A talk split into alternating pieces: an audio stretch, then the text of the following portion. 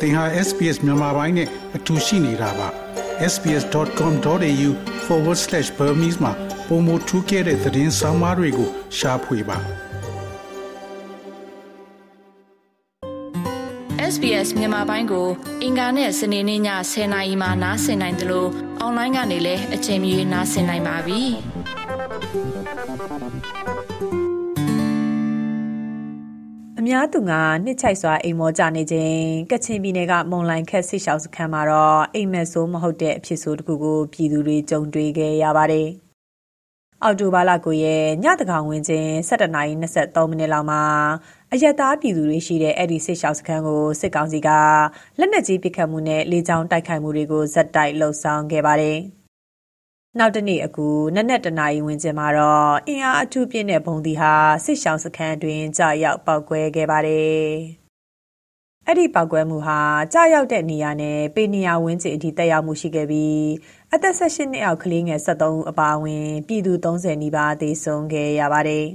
။အဲ့ဒီထဲမှာ အငယ်ဆုံး ကလေးငယ်က2လသားအရွယ်ရှိပြီး အသက်ကြီးဆုံးက82နှစ်အရွယ်ထိ ပါဝင်ခဲ့တာပါ။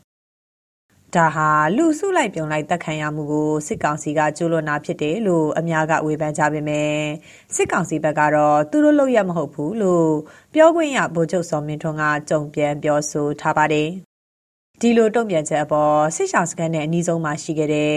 ကချင်လွတ်လပ်ရေးတပ်မတော် KIA ရဲဘော်တူကအခုလို ပြောပါတယ်ပြတာဗောကျွန်တော်ကျွန်တော်တော့အခု ရှေ့တန်းမှာ ရောက်နေတာယူရှေ့တန်းတောင်ပေါ်မှာ ရောက်နေဒီကနေတော့ မြင်ရတာယူမီးတွေကို ဖျားသူတို့ကတခါပြင်း6လုံး6လုံးပြစ်တာလေအဲဒီကနေဒီကကျွန်တော်ရှိကနေမြင်မြင်နေရတယ်မြင်နေရတယ်သူတို့နဲ့ကျွန်တော်တို့နဲ့ဟိုဘက်ကုန်းဒီဘက်ကုန်းမနေတာယူသူတို့ပြစ်တာအေးလိုက်စာဘက်ကိုပြစ်တာလေဒုက္ခတဲ့စခန်းဘက်ကိုဂိတ်တွေဂိတ်တွေရှိတဲ့နေရာကိုပြစ်တာစစ်ကောင်စီရဲ့ဒီလိုတိုက်ခိုက်မှုကြောင့်အစုလိုက်ပြုံလိုက်သိဆုံးခဲ့ရသူတွေအပြင်ကလေးငယ်နဲ့ပြည်သူ60ကျော်ဟာလည်းထိခိုက်ဒဏ်ရာရရှိခဲ့ပြီးလက်ရှိမှာစေကူတာမှုခံယူနေရတာပါ မုံလိုင်ခက်စစ်ရှောင်းစခန်းဟာ2011ခုနှစ်လောက်ကတည်းကရှိခဲ့ပြီးအခုအာနာသိန်းကာလမှာတော့လိုက်စာအပါအဝင်နမ်ဆန်ယန်လက်ကြားယန်ကစစ်ရှောင်းတွေလာရောက်ထောင်တိန်နေထိုင်ကြတဲ့လူဦးရေ900ကျော်ရှိစခန်းတစ်ခုဖြစ်ပါတယ်။ဒီစစ်ရှောင်းစခန်းကတော့ကချင်လွတ်လပ်ရေးအဖွဲ့ KIO ဌာနချုပ်လိုက်စာမြို့အနီးမှာရှိပေမဲ့စစ်တပ်အပါအဝင်စစ်ဖက်ဆိုင်ရာအဆောက်အဦတွေနဲ့3မိုင်လောက်ဝေးတဲ့နေရာတစ်ခုဖြစ်တယ်လို့ဒေသခံတွေကဆိုကြပါတယ်။ လက်ရှိအချိန်မှာတော့စစ်ကောင်စီရဲ့တကောင်ကျော်အချိန်တိုက်ခိုက်မှုကြောင့်စစ်ဆောင်စခန်းကအိမ်90နီးပါးဟာလည်းတစားစီပြိုပြက်ခဲ့ရပါပြီ။ဒီလိုစစ်ဆောင်ပြည်သူတွေကိုပြစ်မှတ်ထားတိုက်ခတ်တာကစစ်တပ်အပေါ်ယုံကြည်မှုပျောက်ဆုံးစေတယ်လို့ KIO ပြောခွင့်ရဗိုလ်မှူးကြီးနော်ဘူးကဆိုပါတယ်။သူတို့ကလေကြောင်းနဲ့တိုက်ခိုက်တဲ့ပုံစံဖြစ်ပါတယ်။တရားနဲ့ဆင်မမလို့ယူဆရတဲ့လက်နက်ကြီးတွေနဲ့လည်းအဲသူတို့ကပြစ်တာရှိပါတယ်။မုံလိုက်ချက်ကတော့အဲတစ်ချောင်ပြည်သူလူထု ရှိတဲ့နေရာ ကျွန်တော်တို့ရဲ့ရွာလည်း ဖြစ်ပါတယ် ကျွန်တော်တို့ KO အနေနဲ့တော့ အဲ့မှာ စစ်စခန်းတွေလည်း မရှိဘူးအဲဒီတက်ဆွထားတဲ့ နေရာလည်း မဟုတ်ဘူးခင်ဗျ အော်တိုဘာလာကိုတို့အဲဒီအဲကျွန်တော်တို့ကို တိုက်ခိုက်ဖို့အဲတတ်မှတ်တဲ့ လလားလို့တော့ ကျွန်တော်တို့အဲသတ်ဖြစ်ပေးစရာ ရှိနေပါတယ်။ဘာကြောင့်လဲဆိုတော့ ကျွန်တော်တို့ကဒီ KO တီထောင်တဲ့အလားလည်း ဖြစ်ပါတယ် ဒါကြောင့် သူတို့လည်း ဒီလကိုတော့ မတ်မတ်တတလုပ်ပြီးမှပေါ့နော်အဲကျွန်တော်တို့ကို တိုက်ခိုက်သလားပေါ့နော်အဲစီစဉ်ရှိရှိနဲ့အဲတိုက်ခိုက်သလားလို့ ကျွန်တော်တော့အဲကျွန်တော်ကတော့ သုံးသပ်ပါတယ်အဲစစ်တပ်အပေါ်မှာတော့အာကျွန်တော်တို့ KO အနေနဲ့ နောက်ပြည်သူလူထုအနေနဲ့လည်းအဲယုံကြည်ဖို့ဆိုတာ ယုံကြည်မှုတိဆောက်ဖို့ဆိုတာ မလွယ်ဘူးလို့ ကျွန်တော်ပြောလို့ပါတယ် ရန်သူကိုတက်ဖြတ်တာမဟုတ်ဘူး ရန်သူကိုပြစ်မှတ်ထားတာမဟုတ်ဘူး ပြည်သူလူထုကို ပြစ်မှတ်ထားပြီးမှ တိုက်ခိုက်တာ အဲ့ဒါတွေကတော့ငင်းချမ်းရဲ့ဘက်မှာကတော့မအုပ်ကြည့်ဖို့လို့ ကျွန်တော်ပြောလိုပါတယ်ခင်ဗျာပြီးခဲ့တဲ့နှစ် အခုလို အော်တိုဘာလထဲမှာပဲ KIO ဖွဲ့စည်းတဲ့ နှစ်ပတ်လည်ပွဲ ကျင်းပနေချိန် အနက်ပါကြီးရွာကို စစ်ကောင်စီက လေကြောင်းနဲ့ တိုက်ခိုက်ခဲ့တာကြောင့် လူ60ကျော်တိစုံခဲ့တဲ့ဖြစ်စဉ် ရှိခဲ့ပါတယ်။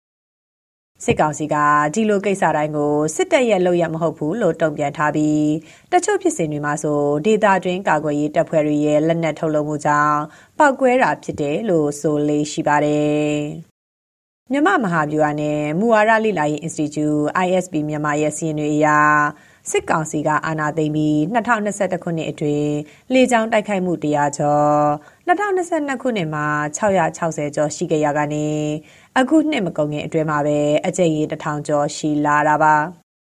အာနာသိန်းကာလ၃နှစ်နီးပါးအတွင်းနိုင်ငံအနှံဒေသခံ8600ကျော်တည်ဆုံခဲ့ပြီးတိုက်ပွဲနဲ့ပဋိပက္ခတွေကြားတည်ဆုံသူက2400ကျော်ရှိတယ်လို့ ISBCN မှာဖော်ပြထားပါတယ်။ တည်ဆုံသူတွေတဲ့အယက်သားပြည်သူအများစုပါဝင်နေပြီးစစ်ကောင်စီရဲ့ဒီလိုလုပ်ရက်တွေဟာလူမျိုးတုံးတပ်ဖြတ်မှုဖြစ်တယ်လို့ဆိုလာသူက Kachin State Civilian Movement KSCM ရဲ့တာဝန်ရှိသူတူပါဒီလုပ်ရက်ကအင်မတန်မှရက်ဆက်ရုံညံ့တဲ့လုပ်ရက်အင်မတန်မှလူမဆန်တဲ့လောက်ရက်လို့ပြောချင်ပါတယ်ဆိုတော့ဒီလိုဖြစ်စဉ်တွေကကချင်ပြည်နယ်တစ်ခုထဲမှာဖြစ်နေတာတော့မဟုတ်ဘူးဗျဒီစစ်အုပ်စုအမြင့်မပြတ်မချင်းအဲဒီလိုအလားတူရက်ဆက်မှုတွေကနောက်လဲထပ်ဖြစ်အောင်ပါပဲလို့ပဲကျွန်တော်တို့ဒီလိုမျိုးပြောချင်ပါတယ်စစ်အာဏာသိမ်းမှုကိုလက်မခံတဲ့ပြည်သူအားလုံးပေါ့နော်ပြည်သူလူထုတရက်လုံးကိုအဲဒီစစ်အုပ်စုကနေပြီးတော့တနည်းနည်းနဲ့ပြစ်မှတ်ထားနေတာဖြစ်တယ်တနည်းနည်းနဲ့ပြစ်မှတ်ထားပြီးတော့မှညင်ပန်းနှိပ်စက်နေတာဖြစ်တယ်ပေါ့နော်ဆိုတော့သူတို့မျက်လုံးထဲမှာဒီလိုအယက်သားပြည်သူတွေပါတယ်သူတို့ကနားမလဲဘူးပေါ့နော်ဆိုတော့သူတို့ကိုထောက်ခံတဲ့ဒီလူနည်းစု အုပ်စုတေးသေးလေးကလွှဲရင်တပြည်လုံးမှာရှိရဲပေါ့နော်ဒီပြည်သူလူထုကိုသူတို့ကရန်သူတပွဲဆက်ဆံနေတာဖြစ်တယ်လက်ရှိမုံလိုက်ခက်စစ်ဆောင်စကန်တိုက်ခိုက်ခံရမှုအပေါ်နိုင်ငံတကာအဖွဲ့အစည်းတွေကဝန်내ကြောင်းထုတ်ပြန်ကြတာတွေလည်းရှိပါတယ်။အပြစ်မဲ့ကလေးငယ်တွေအပါအဝင်အယက်သားပြည်သူတေဆုံမှုအတွက်ထိတ်လန့်ဝမ်းနေရပြီးကလေးငယ်တွေနဲ့အယက်သားပြည်သူတွေဟာအကြမ်းဖက်တိုက်ခိုက်မှုအတွက်ပြစ်မှတ်မဟုတ်ဘူးလို့ကုလသမဂ္ဂကလေးများရန်ပုံငွေအဖွဲ့ UNICEF ကတတိပေးထားပါတယ်။ ဗြိတိန်တန်ရောမြန်မာနိုင်ငံအခြေဆိုင်ကုလသမဂ္ဂယုံနဲ့ တရုတ်နိုင်ငံသားရေးဝန်ကြီးဌာနကလည်း အထူးစိုးရိမ်ဝမ်းနည်းရကြောင်း ထုတ်ပြန်ထားပါတယ်။ဒီလို ထုတ်ပြန်ချက်တွေ ရှိပေမဲ့စစ်ကောင်စီကို ထိရောက်တဲ့ အရေးယူမှုတွေ မပါဝင်တဲ့အပေါ် ဝေဖန်မှုတွေလည်း ရှိနေပါတယ်။ အနက်ပါဖြစ်စဉ်ပြီးတနှစ်နီးပါးအကြာတရားမျှတမှုမရရှိသေးခြင်းအခုထပ်ပြီးအဆုလိုက်ပြုံလိုက်တက်ပြက်ခရမှုပေါ်ကချင်ပြည်နယ်အရက်ဖက်အဖွဲ့အစည်းတွေကတော့နိုင်ငံတကာရဲ့အထီရောက်တဲ့အကူအညီပေးနိုင်မှုကိုတောင်းဆိုနေကြတာပါကချင် Human Rights Watch ရဲ့တာဝန်ရှိသူကိုချက်ကောကဒီလိုမျိုးတရားမျှတမှုရရှိရတော့ကျွန်တော်တို့နောက်နေ့ရတော့ကျွန်တော်တို့ကျွန်တော်တို့ယူဆရတော့ဗျတရားပြည်သူတွေတက်အမှန်တရားအမြန်ဆုံးရရှိရ ရရှိရန်ကတော့ဒီနိုင်ငံတကာဖွဲ့စည်းအနေနဲ့ကိုကြီးပတ်ဖို့ဒီလှုပ်ဆောင်မှုလည်းအများကြီးအရေးကြီးပါတယ်ဗျသူတို့ဒီစစ်ကောင်စီကိုပဲပံပူပေးနိုင်မယ်ဆိုရင်အခုလိုမျိုးကျွန်တော်တို့ကတော့အမြဲတမ်းခံစားနေရမှာပဲဗျမြန်မာနိုင်ငံမှာအခုလိုမျိုး ပုံမှပနိပခဖြစ်လာတယ်ဆိုတော့ကျွန်တော်တိုင်သားတွေတောင်းဆိုနေတဲ့ trade တွေနိုင်ငံပေါ်တော့တရားရရှိရဲ့အတွက်အဓိကပါပဲဆိုတော့ဒီနိုင်ငံတကာအနေနဲ့ရောဒီနိုင်ငံတိုင်းမှာကျွန်တော်တို့ပြည်သူနဲ့အတူရည်တည်ပေးဖို့ကျွန်တော်တို့ဆက်လက်ပြီးမှဒီစီကောင်စီသူတို့လေပတ်နေတဲ့ဒီရန်တရားတွေကိုအမြန်ဆုံးဒီနိုင်ငံတကာအနေနဲ့ဒီတိုက်ဆိုင်ရာဖွဲ့စည်းတွေကိုအမြန်ဆုံးအရေးယူဆောင်ရွက်ပေးပါကျွန်တော်တို့ကတော့ထပ်မံပြီးမှတောင်းဆိုချင်ပါတယ်ဗျဟုတ် ဘယ်နေရာမှာမဆိုဒုက္ခသည်စခန်းတွေကခိုလို့ရနေရဖြစ်ပြီးအယက်သားပြည်သူတွေကိုပြစ်မှတ်ထားတိုက်ခိုက်တာတွေမလုပ်ဆောင်သင့်ဘူးလို့ကုလသမဂ္ဂကဆိုထားပါတယ်။မြန်မာပြည်တွင်းမှာတော့စစ်ကောင်စီအနေနဲ့ဒီလိုလုပ်ရက်တွေကိုအကြိမ်ကြိမ်ကျူးလွန်နေပေမဲ့တားဆီးအရေးယူနိုင်တဲ့အခြေအနေမရှိသေးပါဘူး။သွေးမြေကြာရနေရကနေငိုကြွေးနေရတဲ့ကြက်ရစ်သူမိသားစုတွေ အဆုလိုက်ပြုံလိုက်တကြူရတဲ့အပြစ်မဲ့အလောင်းတွေကပဲအာနာသိမ့်မှုရဲ့အကျိုးဆက်ကိုထင်ဟပ်စေတာပါလက်ရှိမွန်လိုင်းခက်စစ်ဆောင်စခန်းအတွင်းတည်ဆုံးခဲ့ရတဲ့ပြည်သူတွေအတွက်ကိုလည်းပြန်လည်ကုစားနိုင်ဖို့တရားမျှတမှုကိုဖော်ဆောင်ပေးတဲ့နယ်လို့ကုညီကယ်ဆယ်ရေးလှုပ်ဆောင်နေတဲ့ရဲဘော်မနန်းအေလင်းကဆိုပါတယ်ကြန့်ရှိနေတဲ့စိပိဒုက္ခတွေကတော့ပြောင်းရွှေ့ဟိုပါပေါ်တော့နိဆက်ရဆွေမျိုးလေးစီမှာပြောင်းနေကြတာလေးရှိနေပြီ ပြောင်းအကုန်လုံးပြောင်းကြကုန်ပြီပေါ့နော်အဲ့ဒီမုံနခက်နားမှာရှိရစိပိဒုက္ခတွေကလူတွေနေရာထိုင်ခင်းနဲ့ဟောပေါ့ဒါတန်ဖိုးဖြတ်လို့မရတဲ့ဒီဆုံးရှုံးမှုတစ်ခုဆိုတဲ့ခါကျတော့လေနော်အဓိကတော့ဟိုသူတို့ရဲ့ဟိုတည်ဆုံးတဲ့လူတွေအတွက်ပေါ့နော်ဘယ်လိုမျိုးပြန်လဲကုစားမှုပေးနိုင်မလဲဆိုတဲ့အပိုင်းတွေလည်းအဲလှုပ်ဆောင်ဖို့တော့လည်းရှိရှိပါတယ်ဒီဘက် KNA ဆိုရက ကချင်ပြည်သူလူထုကို အစုလိုက်ပြုံလိုက်တပ်ဖြတ်ခဲ့တဲ့ စစ်ကောင်စီကတစ်ဖက်မှာတော့ KIA ကို တနိုင်ငံလုံး အပြစ်ခတ်ရစဲရေး သဘောတူစာချုပ် NCA ရှစ်နှစ်ပြည့် အခမ်းအနားတက်ရောက်ဖို့ ဖိတ်ကြားထားတာပါ ဒီလို ဖိတ်ကြားနေတဲ့ကြားမှာပဲ စစ်ကောင်စီက ကရင် ချင်း ကချင်နဲ့ ကရင်နီဒေသတွေကို လေကြောင်းတိုက်ခိုက်မှုတွေ မကြာခဏလှုပ်ဆောင်နေပါတယ် ဒီလို စစ်ကောင်စီရဲ့ ကျူးလွန်မှုတွေကြောင့် KIA ကို NCA ဖိတ်ခေါ်တာ အောင်မြင်မှာ မဟုတ်ဘူးလို့ ကချင်လူငယ်အချို့နဲ့ တက်ကြွလှုပ်ရှားသူတွေကတုံ့တက်ထားကြပါတယ်။နိုင်ငံရေးလိလာတုံ့တက်သူ ဦးတန်းစိုးနိုင်ကလည်း KIA တစ်ဖက်က NCA လှုပ်ရှားမှုတွေမှာ ပါဝင်လာတဲ့အတွက်နော်ဒီစစ်ကောင်စီကခုစစ်တွေ ဆင်းနေတာ ဖြစ်ပါတယ် အဲတော့ ဒီလုပ်ငန်းစဉ်ကို CIA က ပြန်ပြီးတော့တုံ့ပြန်တယ်ခုဝင်စစ်ပွဲဒီရင်းထန်စစ်ပွဲဆင်နွှဲနေတာဖြစ်ပါတယ်ဒါကြောင့်ဒီစစ်ကောင်စီကရည်ရွယ်တဲ့ NCA စာချုပ် NCA လမ်းကြောင်းအတိုင်းဆက်ရှောက်ရေးဆိုတဲ့တောင်းဆိုမှုကို KIA ကလက်ရောမဲ့သဘောမရှိဘူး KIA အနေနဲ့လာမဲ့ကျွန်တော် NCA ဆွေးနွေးပွဲမှာမလွဲမရှောင်ပါပဲเนาะကိုယ်ကဖွဲ့လောက်တော့လုပ်ချင်လုပ်ပါလေ NUG နဲ့ပူးပေါင်းဆောင်ရွက်နေသူ့ရဲ့လုပ်ငန်းတွေတော့ဆက်လက်အကောင့်ထက်ပေါ်တိုက်ပွဲဝင်တော့ကျွန်တော်တို့ယူဆပါတယ်ပျောက်ကြားပေါင်းမိဝစ်စင်ထားတဲ့အမျိုးသားတူကသွေးစနဲ့ဖုံမုံတွေလူနေတဲ့ကလေးငယ်တူရဲ့အသက်မဲ့ခန္ဓာကိုပွေ့ချီလာတဲ့ဓာတ်ပုံလေးတစ်ပုံဟာတနိုင်ငံလုံးကပြည်သူတွေကိုရင်နစ်စေခဲ့ရပါပြီ။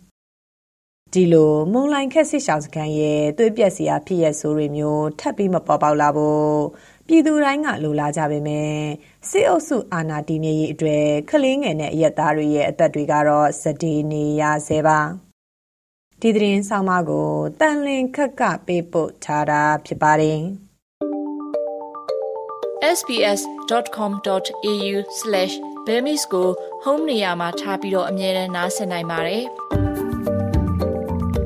နောက်ဆုံးရသတင်းတွေ၊စောင်းမားတွေနဲ့စစ်တမ်းတွေမှာပါဝင်ပြီးတော့ဆက်သွယ်မှုလုပ်နိုင်ပါတယ်။ sbs.com.au/bemis ဖြစ်ပါတယ်ရှင်။